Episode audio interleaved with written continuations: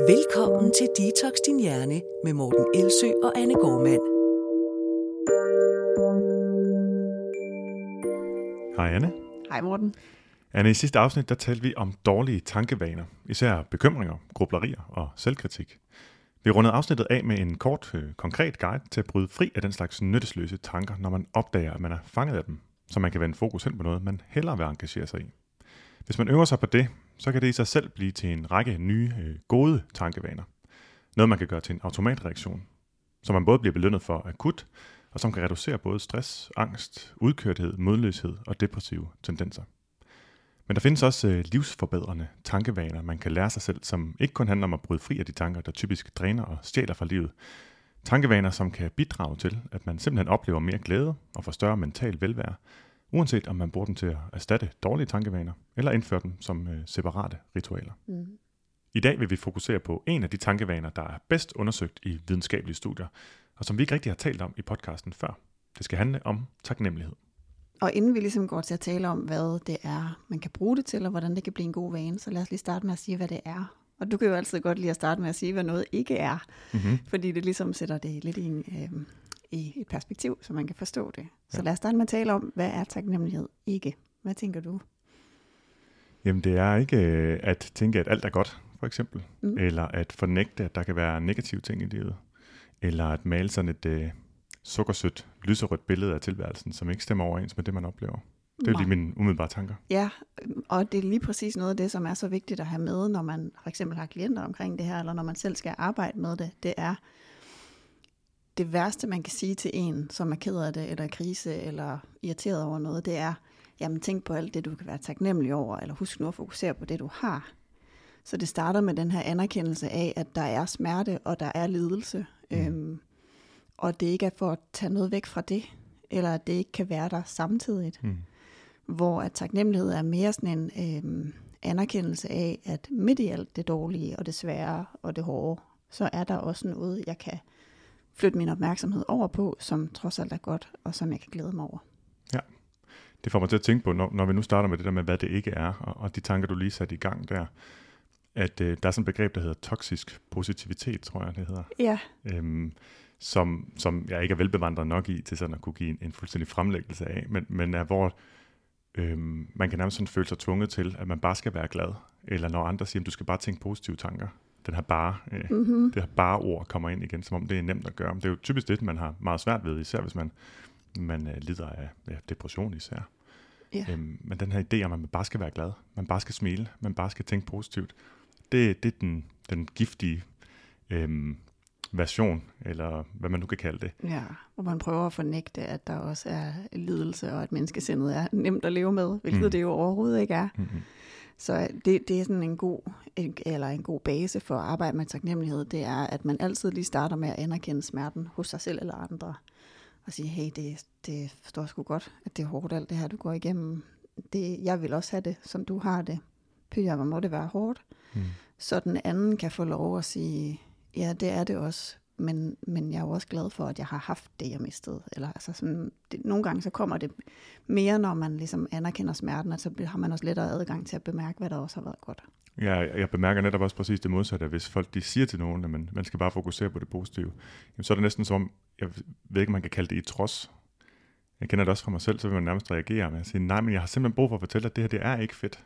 Det her det er hårdt. Det her det mm. føles uretfærdigt. Det her det føles øh, håbløst eller hvad det ellers kan være. Mm. Når folk ikke tillader, at, at det er der, så får man lyst til selv at fokusere mere på det. Yeah. Og omvendt, når folk tillader, at det er der, så bliver der også plads til, at man kan, man kan vende fokus over på noget andet. Ja, helt enig. Og i forhold til, hvad taknemmelighed ikke er, så kan man også sige, sådan, hvad er så det modsatte af at være taknemmelig? Og øhm, man kan sige en følelse af at være berettiget til noget, eller have ret til noget. Mm. At man ligesom øhm, ikke ikke stopper op og lige tænker over, hvor heldig og privilegeret, privilegeret man egentlig er, men bare tager for givet, at man kan få en uddannelse, tager for givet, at nogen holder af en, at nogen opvarter en, at mm. nogen passer på en. Øhm, tager for givet, at man bor i et land, hvor der ikke er krig. Altså sådan er helt basale ting, små og mm. store ting, at man egentlig bare sådan, om det der, det der er det mindste, man kan forvente. Det er totalt meget derfra, jeg kommer fra ja. min, fra min uh, ungdom, ungdomsår, og længere nok op også nok i virkeligheden. Man kommer til at netop tage alt det for givet, som fungerer, og så har man straks fokus på det, man synes, man også burde have. Måske med noget, man synes, man har fortjent. Nu siger du også det der med at være berettiget. Øhm, og, og det, det spøjser ved det her berettigelsesfokus, altså man synes, man burde blive behandlet bedre, eller øh, man burde have flere muligheder, eller man burde kunne nogle forskellige ting, eller burde have det, som andre har. Det er, at hver eneste gang, man er i, i de tanker, så, øh, så er de faktisk ubehagelige. Det er faktisk noget, som påvirker humøret udelukkende i en negativ retning. Det her, den her utilfredshed med det, man har, eller utilfredshed med, at man mangler noget, som man ikke har. Mm. Ja, og det øh, er også en vigtig del af det at forstå taknemmelighed, det er, at det har enormt meget med sammenligning at gøre. Øhm, jeg kan godt lide at sætte ting på spidsen, så lad os prøve at tage det helt ud i ekstremerne, at lad os sige, at man har fået et par sko. Ens mor har købt et par genbrugssko til en. Man er måske 13 år gammel og har fået de her genbrugssko, og man kigger på dem i sin klasse, der lige har fået nye Air Jordans eller Nike Dunks, SB Dunks, ved jeg, de hedder, nogle af de fancy. Øhm, og man kigger på de der sko, og man tænker, at alle andre har jo. Og så bliver man sur og vred og føler, at man bliver snydt, og at andre har meget mere, end jeg har. Jeg burde også have. Øhm, og tager man så det selv samme barn, der har fået de her sko med til en afrikansk landsby, hvor børnene ikke har sko, og lærer ham give dem til de børn, så vil man se, at det barn, der pludselig har sko, om end brugte, er lykkelig, mega, mega glad, har stjerner i øjnene, føler sig enormt heldig og privilegeret. Og vi er alle sammen enige om, at det er de samme sko. Men forventningen afgør, hvor meget jeg værdsætter dem. Mm. Og sammenligningen med andre får mig til at værdsætte dem mere eller mindre. Ja. Og man kan næsten tegne sådan en linje, øhm, en forventningslinje, jeg får lyst til at tegne den i luften, der er ikke nogen, der kan se den. Jeg kan godt. hvor at der, hvor du sætter din linje, øhm, lad os sige, at det er, så din, det er din tilfredsheds- eller taknemmelighedslinje, hvis du indstiller dig på, at jeg skal have en vild karriere, jeg skal være den bedste inden for mit felt, jeg skal være den klogeste af alle, så har du sat din linje, så du nærmest kun kan være utaknemmelig og mm. skuffet. Mm. Ja. Og hvis man har lave forventninger, det er faktisk en del af det, som, som en taknemmelighedstendens kan være hos nogen, det er, at man har lave forventninger. Mm. Og så bliver man hele tiden så positivt overrasket over alt det, man får, og alt det, livet giver en. Øhm, så det skal man også lige være opmærksom på, at noget, der virkelig kan blokere den følelse, det er de her urealistiske høje forventninger. Ja, det er sjovt, for, for jeg vil egentlig tænke, at øh, høje forventninger til sig selv og til andre og til samfundet, det er faktisk en ting, der bliver hyldet ret meget, fordi man ser det som et eller andet, der øhm, fordrer fremskridt. Øhm, at vi, vi, tvinger, vi tvinger os selv, andre og samfundet i den rigtige retning, hvis vi stiller høje krav og har høje forventninger. Men i rigtig mange hensener, der forholder det sig egentlig omvendt, at vi mistrives, fordi vores forventninger altid er højere, end det vores realitet er, end det vores virkelighed er, end det vi oplever. Og så vil vi jo egentlig være sådan kronisk utilfredse, føle os kronisk forbigået, føle os kronisk, øhm, jeg sige underbemidlet, men jeg ved ikke, om det er et forkert ord at bruge her, men altså, vi ikke har det, der skal til, eller ikke kan det, som vi gerne vil. Og det afhænger jo netop af, hvad er det, vi gerne vil.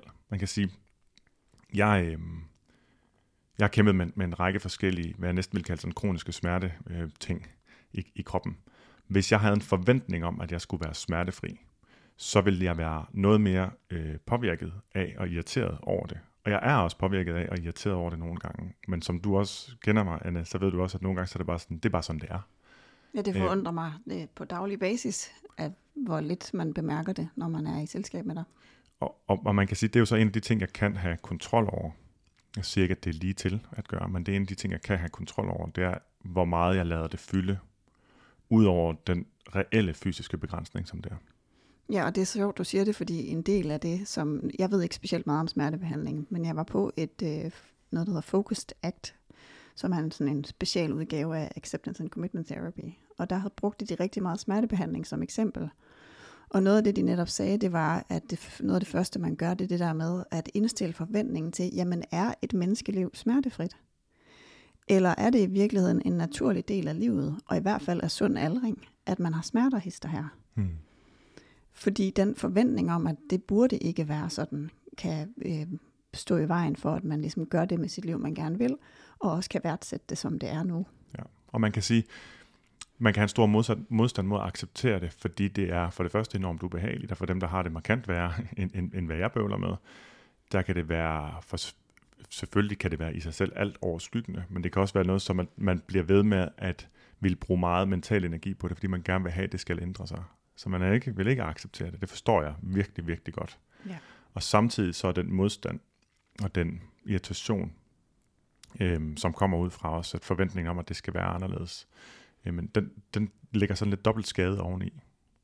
Ja, det gør den. Og det er jo der, hvor hvis man så, øh, lad os sige, man sidder og lytter med nu, og, og har stærke smerter, at man tænker sådan, ja, det er da ikke, jeg, skal da, altså, jeg kan da umuligt være taknemmelig, så vil man bare have lyst til at sige, jamen det skal du heller ikke. Altså mm. det, det er ikke, øh, det skal ikke være sådan et urimeligt krav, man skal ligge ned ovenpå og have ledelse, at man sammen, nu skal jeg så også til at være taknemmelig. Det, det er det vidderligt ikke. Nej. Men det er et valg, man kan træffe for sig selv, Ja. Hvor man kan sige helt pragmatisk, jeg har det her liv, det er sådan, som det er. Det, det vil, hvad man kalder accept i, sådan fag, fagpsykologisk sprog, så er det. Mm. det, man kalder accept, det er, jamen jeg anerkender, at det er, som det er, og at jeg ikke har kontrol til at ændre det. Og det betyder, at jeg stopper med at kæmpe mod det. Og det kan nogle gange give plads til, at man så kan bruge små momenter på lige at anerkende, hvad man så har, og hvad man er glad for i sit liv. Og man kan sige, det er jo ikke fordi, man er forpligtet til det samfundsmæssigt, at skulle acceptere, eller skulle stoppe med at brokke sig, eller skulle jamen, affinde sig med det. Men igen helt pragmatisk, når det handler om livskvalitet, så er der bare rigtig, rigtig meget at hente ved.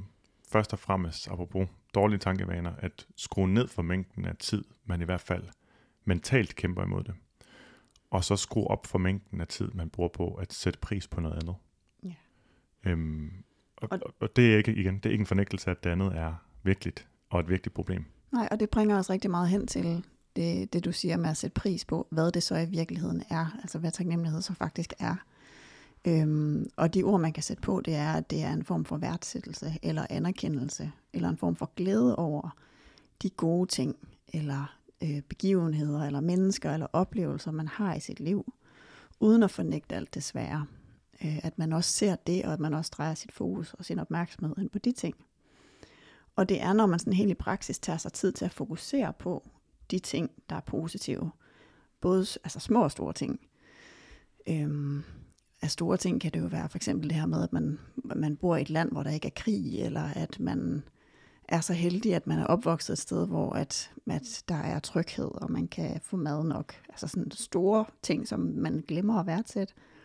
Men det kan også være sådan nogle små ting, som at der var en, der smilede til mig i dag, eller der var en, der tænkte på at lave kaffe til mig her til morgen, og var det rart, at der var nogen, der kærede sig om mig. At, at det, det er sådan set ligegyldigt, hvad det er. For nogle er det lettere at være taknemmelig for de små ting, og for nogle er det lettere at være taknemmelig for de store. Og der er vel også stor forskel på, hvor let det er for folk at være taknemmelige. Øhm, og øh, det jeg håber det er okay at bringe det op nu. Øhm, nu er det jo dig, der har tilrettelagt dagens podcast. Ligesom Jamen, var det er sjovt, for det er det næste punkt. Ja. og det er, det er jo meget nemt for os at tale om det, fordi vi, øh, jeg ved ikke, om vi befinder os i hver vores ende af spektrum. Jeg tror, du befinder dig i hvert fald i den ene ekstreme ende. ja, jeg, jeg, jeg har et taknemmelighedsgen, tror jeg. Det, plejer, det plejer vi i hvert fald at kalde det. Ja. Så det er i hvert fald formentlig noget, du, må, måske noget, du har arvet sådan helt genetisk, og måske også noget, der er blevet... Det er øh, både medfødt og tillært, tror jeg. Eller i hvert fald i, også, i når man, opvækst. når Ja. man kigger på litteraturen, så er det nok 50-50. Ja. Og, og jeg har ikke en lige, lige så stor øh, tendens til det. Jeg kan skamme mig en lille smule over det i dag, men hvor meget tid jeg egentlig har brugt på at være utilfreds. Og nok også i virkeligheden, før jeg kendte øh, ordet, øh, være, føle mig berettiget. Altså hvad sådan, det jeg har, det, det har jeg selvfølgelig ret til, men jeg synes også, der burde være mere. Jeg synes også, jeg burde have ret til et eller andet mere. Det er jeg bare overhovedet ikke stolt af, vil jeg lige understrege en ekstra gang. Jeg blev bevidst om det, da jeg læste øh, så er Mark Mansons bog, The Subtle Art of Not Giving a Fuck, mm hvor det pludselig dukkede op, så siger jeg, gud, hvor er det mange tidspunkter, hvor jeg ryger i sådan en fælde, hvor jeg synes, jeg, har- jeg burde have fået noget bedre, eller fået noget andet, og hvor ubehageligt det egentlig er, og, og, og i hvilken grad det egentlig ikke bringer mig i retning af at være et menneske, som er, er særlig nem at, at kunne lide. I hvert fald tænkte jeg selv, det er ikke noget, jeg nogensinde har fået at vide. Ja, det kan heller ikke noget, der gør noget godt for ens humør, jo. Nej, det, det, det er det første og mest mærkbare, øh, mest mærkbare ved det. Ja, men når du siger det her med, at man ligesom kan have, altså, man, det kan være medfødt, man kan helt klart have en disposition for taknemmelighed. Øhm, og hvis den så ligesom bliver, hvad skal man sige, gødet og vandet, jeg har lyst til at sige, overført betydning i ens opvækst. Og det, det er det, som jeg tror, at er tilfældet for mig, det er, at jeg, øhm, jeg har en tendens til at se, jeg har en positivitetsbias, og det er der ikke ret mange, der har. Jeg oplever det meget sjældent mm. egentlig, øhm, og jeg kan se, at jeg har det meget fra min mor. Mm. Og at vi lidt har det samme med, at hvis der sker noget dårligt, så er vi sådan relativt hurtigt til at forvente til, hvad det så kan blive til at godt. Det, det går rimelig stærkt op i vores hoveder med, at så må vi se, ved, hvad det så kan blive. Ikke? Mm. Og det er sjovt nok en af de ting, jeg er mest taknemmelig for.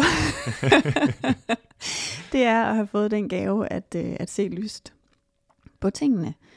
Men det, der så overraskede mig, da jeg stødte på øh, forskningen i, altså det positive psykologi, det her det kommer fra typisk, at det var, at det man interesserer sig for i feltet af positiv psykologi, det er ikke så meget, hvad fjerner lidelse, det er mere, mm. hvad får mennesker til at trives, hvordan, hvordan får man mennesker til at blomstre og trives, have det bedre, og øh, da jeg så stødte på det her omkring taknemmelighed, så jeg gud, det er sgu da derfor, jeg hele tiden, altså det, det er derfor, jeg har det så godt, eller man skal sige, det er en af årsagerne. Selvfølgelig også, fordi jeg er røvprivilegeret på rigtig mange punkter.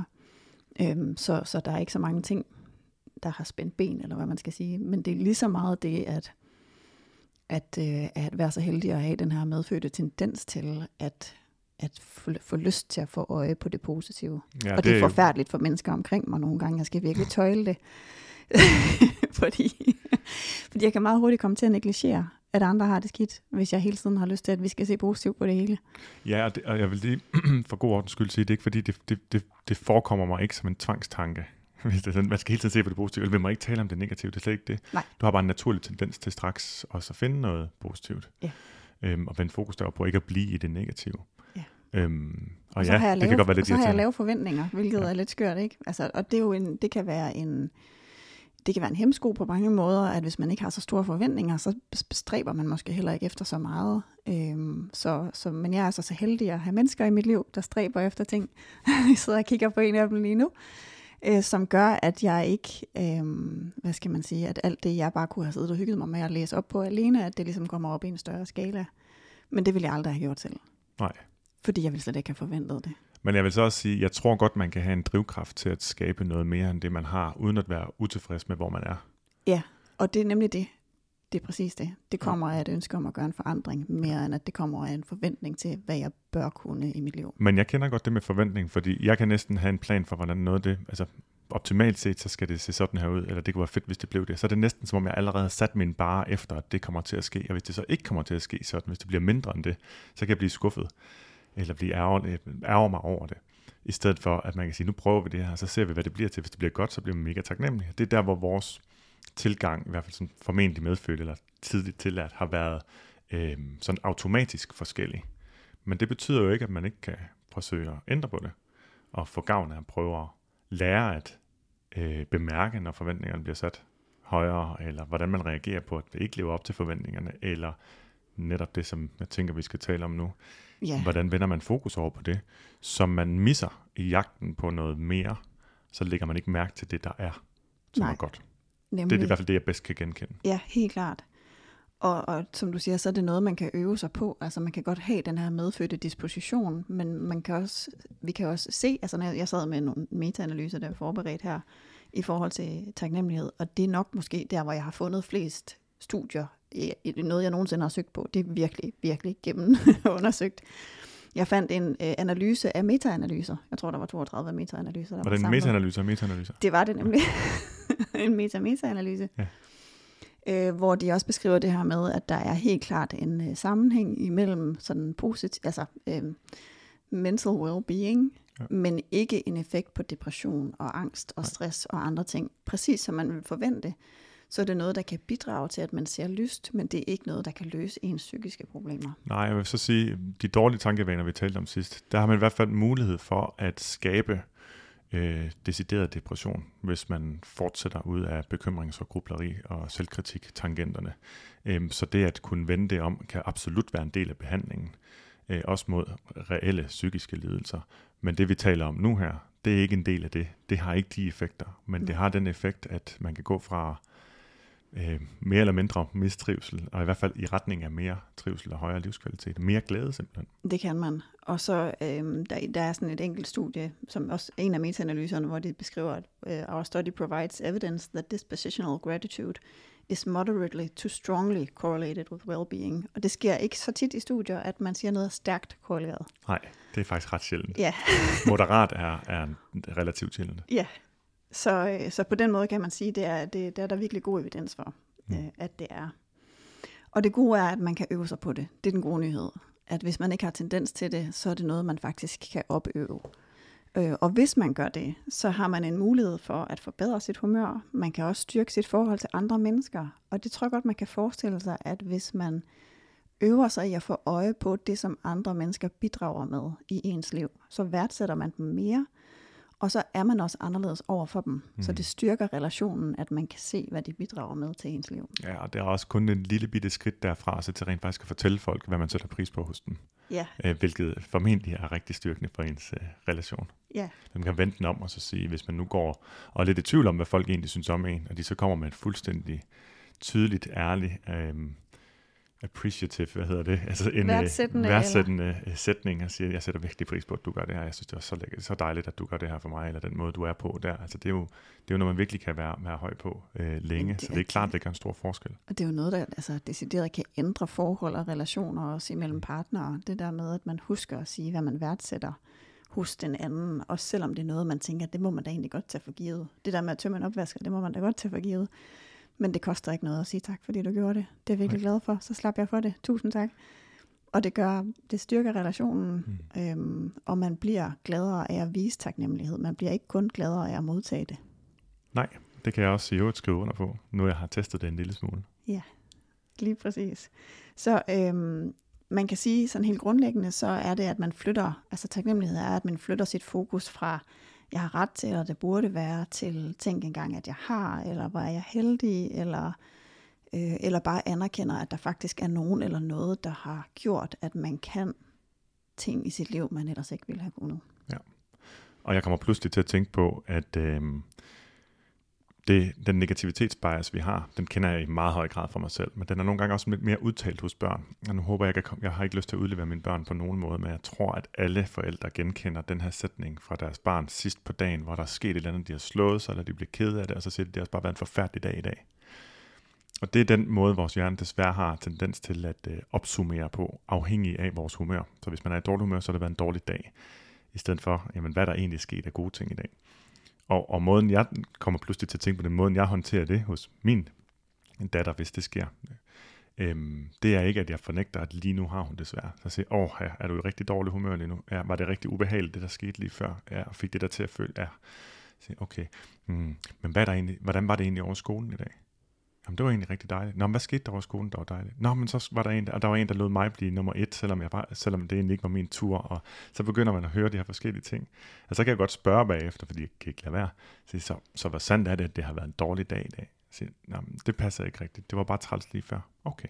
Nej. Og så er der plads til begge dele. Ja, det er også et eksempel på det der med, at hvis man ikke anerkender smerten, hvis jeg gjorde det, som du lige sagde, øh, ved min datter, men ikke, ikke lige fik anerkendt, at det havde været svært, og det var hårdt, og ikke lige gav det tid og plads, og ikke sådan prøvede på at fikse det, så vender hun også over i, natu- i den naturlige øh, taknemmelighed. Det ligger også sådan implicit, og det tror jeg måske også, at det er det, man, man skal forstå omkring taknemmelighed, det er, det bobler nogle gange op af sig selv, hvis man lige bliver mødt og forstået af nogle andre. Ja, ja for ellers så har man jo lyst til at argumentere for, at det er hårdt, hvis ikke der er nogen, der tror på det. Ja, nemlig. At argumentere for, at man har det dårligt, og det er forkert, og det er, og det er urimeligt. Nok. Ja, og det er rigtigt nok. Hvis ikke det bliver anerkendt, så vil man argumentere for det. Men når ja. det bliver anerkendt, så behøver man ikke argumentere for det længere. Så bliver der plads til det andet. Så lad os lige have det med i tankerne, når vi nu går ind i nogle eksempler i forhold til, uh, hvordan man kan praktisere taknemmelighed. At det netop ikke handler om at fjerne smerten, og det er øhm, helt okay, hvis man ikke føler sig klar til det. Fordi hvis man ikke føler sig klar til at prøve at øve sig på taknemmelighed,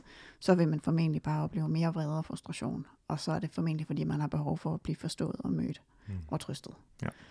Så, øhm, så med det i tankerne, hvis man har lyst til at øve sig på at mærke mere taknemmelighed, eller være mere værdsættende omkring det, man har, så har vi taget fire eksempler med, og det ene, det var faktisk et, som jeg jo gav dig som, øh, Jeg, jeg spurgte mig om give dig en, en udfordring i starten af ugen, øh, i forhold til, om du ville have noget mod at skrive om aftenen, hvad du havde været taknemmelig for i løbet af dagen. Ja, og krølle på en vigtig detalje her, det er, at du ville sende en sms på et tidspunkt, der passede mig.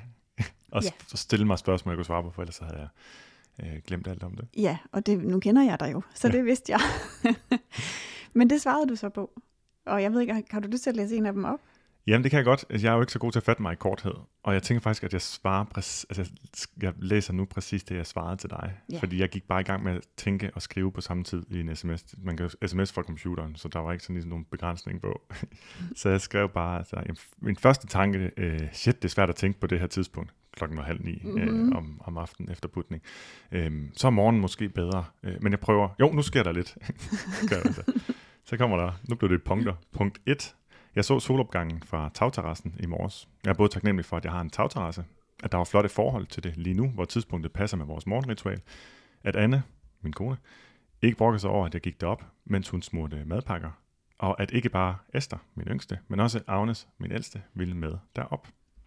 2. At pigerne skraldgrinede, da de øh, legede en super simpel leg, jeg havde fundet på. Det var senere om eftermiddagen. 3. At jeg er kreativ nok til at kunne finde, øh, finde på en leg på stedet som løsning på en ulmende konflikt, og til at finde på en sang, der kan gribe og underholde begge piger ved bordet. Jeg var alene med den den aften. 4. At vejret var flot, friskt og lækkert i dag. 5. At vi får lov til at leve vores små liv på en planet, mens den fiser rundt om en stjerne, der er lige tilpas stor og varm nok til at give de perfekte forhold, og som oven i købet giver flotte solopgange og nedgange med lyserøde skyer. 6. At der svæver en stor rund sten rundt omkring vores planet, fastholdt af en usynlig, men allesteds nærværende kraft, som en konstant påmindelse om, at vores jord ikke er verden, men bare overfladen på en planet. Universet er lige derude. 7. Har i hvert fald fået tre krammer af Esther i dag, der føles som kærlighed. 8. Da jeg vækkede Esther i morges og blidt sagde godmorgen, og hun så med lukkede øjne ikke kunne lade være med at smile, da hun registrerede, at jeg var der, på trods af, at jeg afbrød hendes søvn, hvorefter hun vigtede sig omkring min arm og puttede med den stadig smilende. Der er flere. 9. da Esther sprang op for at tage tøj på, da jeg spurgte hende, om hun ville med op og se solopgang. En ægte reaktion, der viste mig, at hun virkelig satte pris på de oplevelser. Ja, solopgangen fyldte meget den dag. 10. S-toget. Det fungerer bare pissegodt. 11. At jeg har lært mange af mine begrænsninger at kende, før mange andre lærer deres begrænsninger at kende, har accepteret dem og har handlet på erkendelsen. 12. At jeg endelig fik luft i dækkene på min cykel, fordi cykelhandleren var flink og gav den med kompressoren, så jeg bare fløj afsted sammenlignet med før. 13. At Anne, igen min kone, sidder her ved siden af og læser, og ikke har nogen forventning til mig, og ikke engang har spurgt mig om, hvad fanden er, jeg sidder og skriver. Og det, jeg elsker ved den liste, det er, at det er, eks- altså, det er jo et virkelig godt eksempel på, hvordan man kan værdsætte små og store ting i en stor pærevælling. Og jeg ved, fordi vi jo kendt, har kendt hinanden i mange år, at det har været let for dig at øh, værdsætte universet og de større ting. At du kan godt lide at se tingene i det store perspektiv. Øhm, og at når du kigger op på månen, så ser du ikke bare et billede, så ser du universet, og hvad den måne er, og hvad den består af. Ja, sådan. og jeg sad og kiggede, altså jeg sad jo og skulle, skulle gruble eller funderet over, hvad jeg skulle svare, så jeg sad lige og kiggede ud, sad i sofaen, og så stod den bare sådan, der var helt gul, lavt på himlen. Øhm, så var det jo oplagt. Ja, og det, og det er jo så, det jeg, det, det jeg synes, den liste viser, det er, hvor mange forskellige ting, man kan værdsætte, at det vir, virkelig kan være de helt små ting, som at få luft i, sin, i sit dæk, Mm. mm. og de store ting som universet, og at følelsen af taknemmelighed kan være faktisk næsten lige stor nogle gange ved det ene eller det andet, og det ikke er rigtigt eller forkert, hvad man værdsætter eller sætter pris på.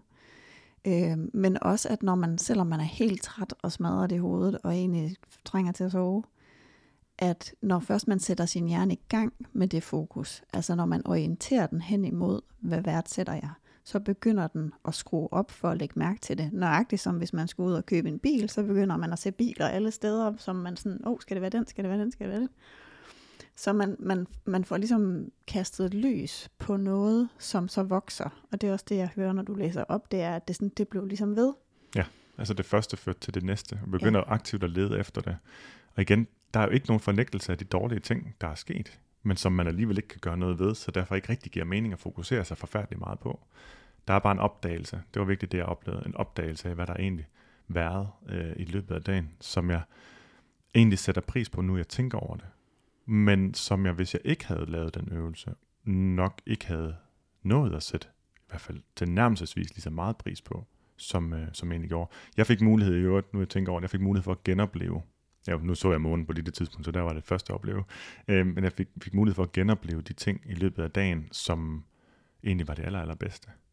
Og som nok er det, øh, der giver livet værdi. Ja. Og det er det, når man er træt og presset, og der har været andre svære ting og svære arbejdsopgaver, så er det så svært at få øje på. Øhm, og den følelse, man har, når man så henter det frem, altså hvor man i virkeligheden går lidt imod den her negativitetsbias, som de fleste af os har, det er, at der bliver ligesom oprettet en balance i øhm, oplevelsen af, hvordan livet har været, eller hvordan dagen har været. Apropos det, jeg sagde med min ældste datter før. Ja, ja. nemlig, så man får et mere realistisk billede af, hvad mm. livet også er, eller hvordan hverdagen er. Øhm, og man kan sige, for nogle er det måske for meget at gøre det her hver aften. Øh, de studier, jeg har siddet med, der, er det sådan, der, der har man fundet ud af, at når man gør det for meget, så bliver det sådan habitueret på en eller anden måde, hvor det ikke bare bliver en vane, det bliver også hverdag, øh, og man kan sådan lidt, åh, skal jeg nu skrive det ned igen, eller sådan. Altså for nogle er det simpelthen for meget, hvis det er hver dag. Mm. Så, øhm, så der er blevet fundet sådan en god balance, som hedder en til tre gange om ugen. For mig fungerer det godt at gøre det cirka en gang om ugen. Eller ja, måske også to-tre gange. Men, men det gør, at man så har det fokus med sig. Altså at det præger ens måde at opleve det, man oplever på, også den næste dag. Ikke bare det ved, at man samler op på dagen, men ved, at man faktisk allerede aktivt begynder at lede efter dagen efter, hvad må jeg er taknemmelig for i ja. dag. Det er ligesom om, der er tændt en ny lygte, ja. som har sit eget autofokus, øhm, som ikke var der før. Øhm, og nu bliver det totalt anekdotisk, men det var også det, der ligesom var mening ved, at jeg skulle prøve det selv. Jeg som ikke er øh, ikke har en medfødt stor taknemmelighed nødvendigvis, eller i hvert fald har haft lange perioder, hvor det ikke har følt særlig meget, så synes jeg, det har været vildt at opleve. Så jeg vildt. Det, vildere er det heller ikke, men, men det, har været, det har været spændende og tydeligt, med at sige, at opleve det, øhm, at man nemmere, bare efter at have gjort det to gange, øhm, bemærker ting, jeg sætter pris på, mens det sker, og ikke først sidst på dagen, når jeg bliver bedt om at fokusere på det. Ja, det er den effekt, man håber på. Og øhm, noget af det, altså det er jo så det ene eksempel på, at man kan kommunikere med andre, at andre kan tale med en om det, eller skrive med en om det. Men øhm, man kan også gøre det i forhold til taknemmelighed, at man har en eller anden form for praksis, som, som mere handler om, at, at der er nogle steder, hvor man naturligt føler sig mere taknemmelig, og at man så opsøger mere af det. Og det er det, som, som jeg gør. Jeg, er ikke, jeg, jeg har ikke... Øh, jeg, selvom jeg har været med til at skrive en bog sammen med dig, så er jeg ikke den store forfatter. Jeg har ikke let til det skrevne ord. Øh, så for mig er det lettere at tænke og være inde i mit hoved omkring det. Og den praksis, jeg har, det er, at jeg tager ud i naturen. Det gør jeg gerne dagligt, næsten uanset vejr. Fordi når jeg kommer hen til en horisont af en art, det er lige meget om det er en mark, eller en skov, eller noget vand, så sker der et eller andet i mit sind, hvor at jeg bliver rolig, forbundet og føler mig som en del af noget større. Altså det er som om det der problem, jeg havde med øh, en eller anden faktureringsopgave, eller et eller andet åndssvagt, jeg synes først var træls, og jeg er i dårligt humør, og jeg er træt, så kommer jeg derud, og så er jeg sådan perspektivet i forhold til det hav, det har været der i millioner af år. Det kommer til at være der, når jeg ikke er her længere. Jeg er bare en døgnflue, og det lyder måske ubehageligt at tænke på, men for mig er det enormt rart. Fordi det giver sådan et perspektiv på, at når ja, men altså, så store er de problemer heller ikke jo. Mm. Øhm. Og så gør det også, at når jeg kan værdsætte noget smukt, altså kigger på noget smukt, så får jeg forbindelse til det gode. Og så kommer jeg helt naturligt til at tænke på alt muligt godt. Så typisk sker der det, at jeg er helt stresset og træt på vejen ud, og så på vejen hjem, så begynder jeg at tænke på ting, jeg er heldig med. Mm. Ej, var jeg egentlig heldig med, at vi bor et sted, hvor jeg kan gå ned til vandet. Eller... Og det er der, hvor du kan blive lidt irriterende. Det der, ja, så, så hvis jeg ringer i den tilstand, så er jeg sådan, nej, tænk engang, at vi har det arbejde, vi har, og hvor er vi heldige, og nej, tænk engang, man kan have pauser øh, midt i sin dag, hvor man går ud i naturen, og selv kan bestemme, og al den frihed, og så er jeg helt, ja, så er jeg umulig at være i nærheden Du har i hvert fald lært, at det skal doseres en lille smule, så ja. at det ikke øh, bliver, for, bliver for lyserødt og ja, sødt. Ja, men det er rigtigt. Det er rigtigt. Et af de, en af de første ting, min, min mand sagde til mig, da vi havde mødt hinanden, det var, du er født glad, er du ikke? og det han mente det meget positivt, fordi han var meget forelsket. Øhm, så, og så det sagde jo, det tror jeg måske, at jeg er.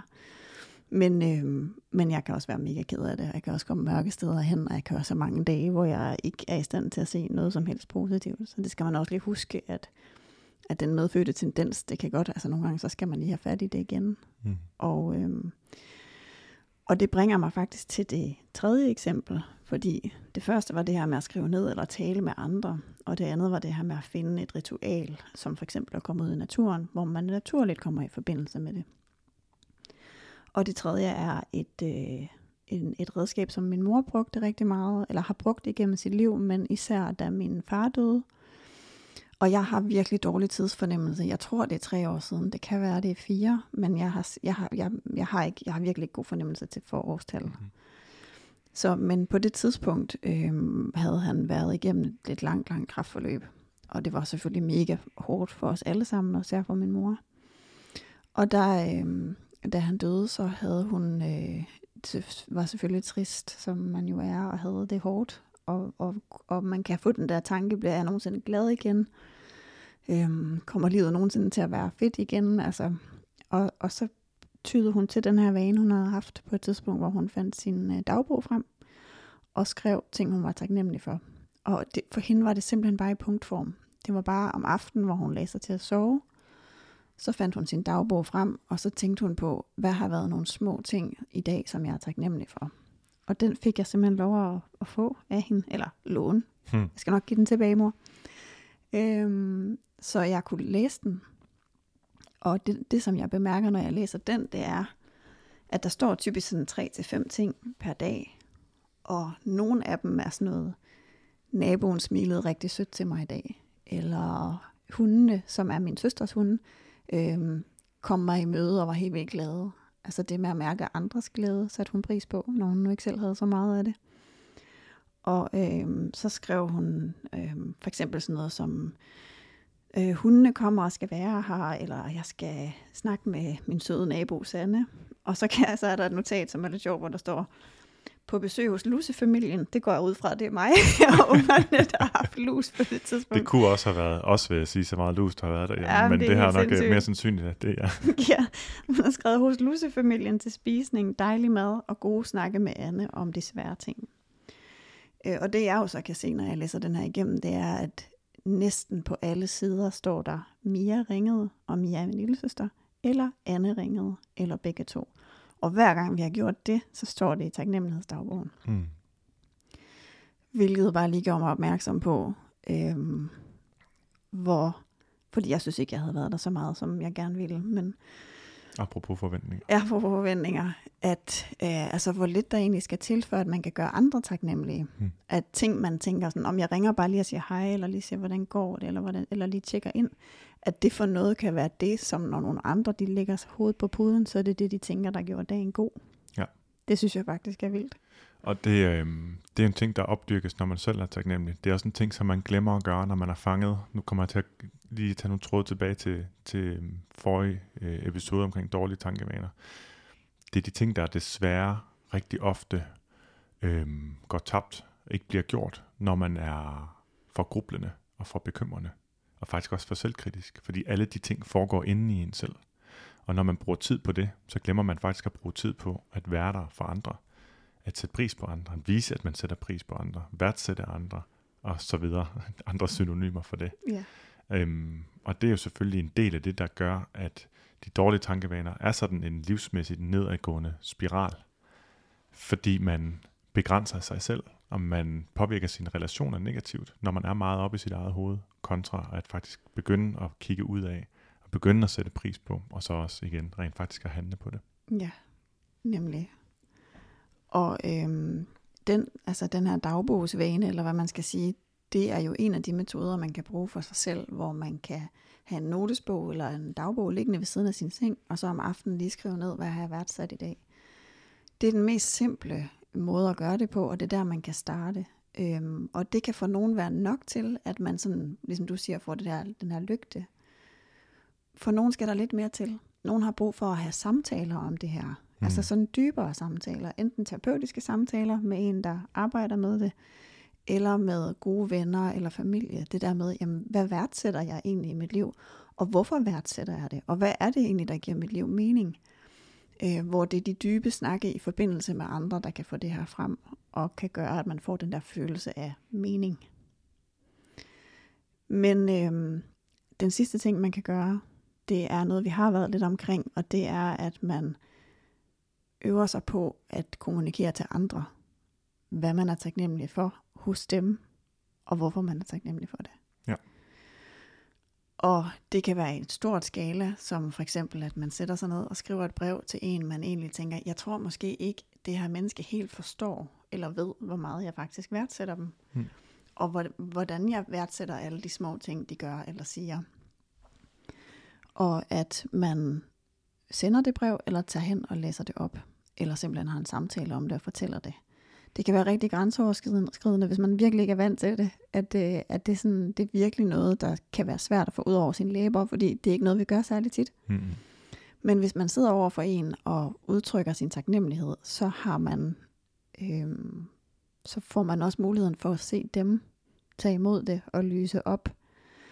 Øhm, og den gave, man kan give andre ved at være taknemmelig for det, de gør, den værdsættelse eller anerkendelse, det er nok den største gave, man kan give andre mennesker. Ja, jeg vil sige, jeg har kun positive erfaringer med det, og det har endda bare været på skrift. Altså det, det er virkelig noget, som meget tydeligt folk reagerer meget hurtigt på. Så, Ej, det blev jeg virkelig, virkelig glad for. Og ja. når jeg så tænker over, hvad der sker hos mig selv, at, hvordan det er sådan noget, man kan bære, bære med sig resten af dagen, resten af ugen, resten af måneden nogle gange. Fordi det måske, det måske er lidt sjældent at få den her helt præcise øhm, besked fra en person, som man altså også har en relation til. Øhm, om, hvad det er helt præcis, de sætter pris på. Ja, nemlig. Og altså det kan jo, man kan jo gøre det i det mindste skala, hvor man sender en sms til en, man måske ikke lige ved, eller ikke lige, man tænker, der ikke lige ved, hvor meget de faktisk betyder, og bare skriver, hey, jeg er så glad for, at du er i mit liv. Eller det kan være for noget specifikt, som, hold kæft, hvor var det dejligt, at du havde øhm, sørget for at rydde din kalender, da jeg da jeg ringede. Mm. Den følelse af, at du fjernede andre ting for at gøre plads til mig, det gjorde mig simpelthen så glad. Ja, og, og, og, og hvis man har tendens til at kritisere folk for det, de ikke gør, eller være lidt efter dem for, at de mangler at gøre noget, eller har gjort noget forkert, så er det lidt sjovt, fordi det, min erfaring er, det er altså bare erfaringsbaseret, at det, det hjælper ikke rigtigt til at regulere folks adfærd. Men når du fortæller dem, at hey, det at du kom til tiden i dag, var bare mega, mega rart for mig. Jeg følte virkelig, at, øh, at det følte virkelig sådan en, en respekt for, for min tid, for jeg ved godt, at du har svært ved det, for eksempel. Det virker så meget bedre end skæld ud over at være kommet for sent. Det kommer jeg bare lidt til at tænke på. Ja. Øhm, og også i det små i øvrigt, så har jeg også et eksempel hjemmefra, hvor øhm, jeg havde en samtale. Det, det bliver sådan lidt selvudleverende, det her afsnit, ja, jeg mærke. Jeg håber ja, ikke, det, altså, det, jeg kan lide det. det er godt. Ja, men, men jeg havde en samtale med, med min, min kone om det. Min kone og jeg har en samtale med min kone, det lyder lidt voldsomt, ikke? Snakker med min kone om det. At øh, vi, vi har en, sådan lidt forskellige bare for, hvornår der er beskidt eller rodet nok til at begynde at gøre noget ved det. At der vil jeg nok påstå, at hun ligger lidt i den ekstreme ende. og andre vil nok være enige, og hun vil også være enig med mig, så derfor så er der ikke noget udleverende øh, i det, i hvert fald ikke forkert. Øhm, og hvor vil jeg hen med det? Jo, øhm, der er så nogle gange, hvor jeg faktisk formår at, at rydde op. Nej, det lyder, det lyder helt altså. men, men jeg har, jeg har fortalt, at, at det kan være rigtig hårdt, hvis jeg faktisk har forsøgt at gøre lejligheden så rent, som jeg synes, den skal være, hvor jeg ikke kan se mere, der skulle kunne gøres. Og så det første, der sker, når hun kommer ind ad døren, det er at sige, hvorfor står den der derovre? Mm. Og, og hun er ikke sur. Det er bare det første, hun ser. Fordi det, det, det er en af grundene til, at, at der er så ryddeligt. Det er, fordi hun kan se, når tingene ikke står, som de er. Så en automatrespons, det er at reagere på, åh, oh, det der, det står anderledes, eller det der, det skal lige ordentligt, eller gå over og tage det. Jeg føler at opvasken er taget, når den er 85% taget. Ja, snart også. Ja. og så, så går hun over og, og, og, øhm, og vasker den sidste pande op, selvom det var mig, der havde ansvaret for det, ikke? Ja. Og så var sådan, jeg synes ellers vigtigt, at jeg har gjort en indsats. Og det virker virkelig forkælet, og det virker også... Altså, jeg kan også bare skille mig selv ud over, at jeg ikke er dygtig nok. Jeg burde ikke have ros for noget som helst. Men, men jeg fortalte hende på et tidspunkt, at det gør en ret stor forskel for mig, hvis jeg har gjort noget, og at du så siger, at du har set det, og lagt mærke til, at jeg har gjort ja. det. Og jeg har ikke fortjent det, for jeg gør ikke lige så meget som dig. Jeg er ikke berettiget til det, eller noget som helst andet. Men hvis du siger, at du sætter pris på det, så kan jeg love dig for, at så sidder det i kroppen på mig resten af dagen, og jeg bliver mere opmærksom på, uh, jeg kan få sådan en ros igen, hvis jeg gør det. Og det er sjovt, fordi så er der så sket det lige to gange den sidste uge, hvor jeg har været alene hjemme i en dag eller to, og hvor jeg så har virkelig, fordi at Anne var begyndt at gøre det, som min kone jo altså også hedder, øhm, var begyndt at, at, at, at sætte, mere, at sætte pris på, altså gøre mig opmærksom på, hey, det er dejligt, du har tømt opvaskemaskinen, for at bruge dit eksempel, som var fuldstændig mm. konkret, det der sker herhjemme, ikke? at øh, så har jeg fået en, øh, så, så har jeg gået op i at få gjort lejligheden helt fin, også ret seng, der har jeg gjort i overvis. ret seng, og, og tænkte, jeg skal slukke lys rundt omkring, og hvad vil hun ellers, hvad vil hun gå ind og, og sådan virkelig gået, gået op i det. Netop bare på grund af de små positive øh, sådan tilkendegivelser, der var ja. kommet. Og så har jeg fået to gange, jeg kan virkelig, du kan se, jeg hvordan kan se, hvor glad du er, ja. så har jeg fået to gange sidste uge her en besked fra min kone, hvor hun er kommet hjem til en lejlighed, som jeg har sørget for et par dage, og så sagde ej, var det dejligt hjem at komme hjem til, og altså, jeg er bare... Så er du helt flyvende. Fuldstændig. Men det er derfor, at det vi startede med at sige, i forhold til, at det kan styrke ens relation, hvis man ikke selv, hvis man ikke har lyst til at tro på det, så er det helt okay, men man kan jo prøve sig frem og sige, nu vil jeg lige prøve den næste uge, øhm, og sige højt, hvad jeg værdsætter, når den anden gør det, lige efter de har gjort det. Og så ja. se, hvad der sker med ens relation. Bare prøv at give det et forsøg, vidderligt. Ja. Og så se, hvad der sker. Fordi det kan rykke. Det kan skabe kærlighed, det kan skabe gensidig anerkendelse. Det med, at man begynder at værdsætte noget hos hinanden, den taknemmelighed, der opstår der, er helende ja. for relationer. Og det kan jo være, at man rent faktisk værdsætter det, men man bare ikke siger det. Ja. Det, det læste jeg lige for nylig et nyhedsbrev fra en, en bekendt øh, parterapeut og seksolog, tror jeg, og forskellige ting. Maj Wisman sendte en mail ud, hvor, hvor det sagde, at jeg tror, det var noget i retning af, at det, at du elsker din partner, din største hemmelighed. Ja. Glemmer du at sige Glemmer det? du at sige det? Ikke bare ja. det, men også små ting. Glemmer du simpelthen at sige de ting, du sætter pris på, så er det meget nærliggende at sige, prøv, prøv at gå i gang med det, og så se, hvad der sker. Ja. Så bare lige for at opsummere her, øhm, i forhold til taknemmelighed, så kan man sige, at, at øhm, det er noget, man kan gøre i et, på et lille skala, altså hvor man kan bare øve sig i måske at skrive en enkelt ting, ting ned en gang, hvad man er glad for. Men det kan også være noget, man faktisk går mere ind i, ind i sine relationer og prøver at farve dem mere med taknemmelighed, eller noget, man begynder at have samtaler med dem, man holder af om, så det får fokus. Hvad er det, der betyder noget for mig? Hvorfor gør det mig glad? Hvor heldig er jeg? Og hvis man er helt ekstrem ud i taknemmelighed, så kan man lave en øvelse, hvor man spørger sig selv, hvem har bidraget til, at jeg kan det, jeg gør lige nu. Øhm, for eksempel, hvis man er ude og køre i bil, så kan man blive helt nørdet i taknemmelighed og tænke, tænk engang, at der er nogen, der har fundet på, at der er et hjul, eller øh, den mekanik, der skal til, eller elektricitet. Alt det, som kloge mennesker har bygget og stået på skuldrene af hinanden i overvis, for at det kan lade sig gøre, at jeg faktisk kan køre så langt for at komme hen til det arbejde, eller det menneske, jeg holder af. Hmm. Hvor er det egentlig vildt.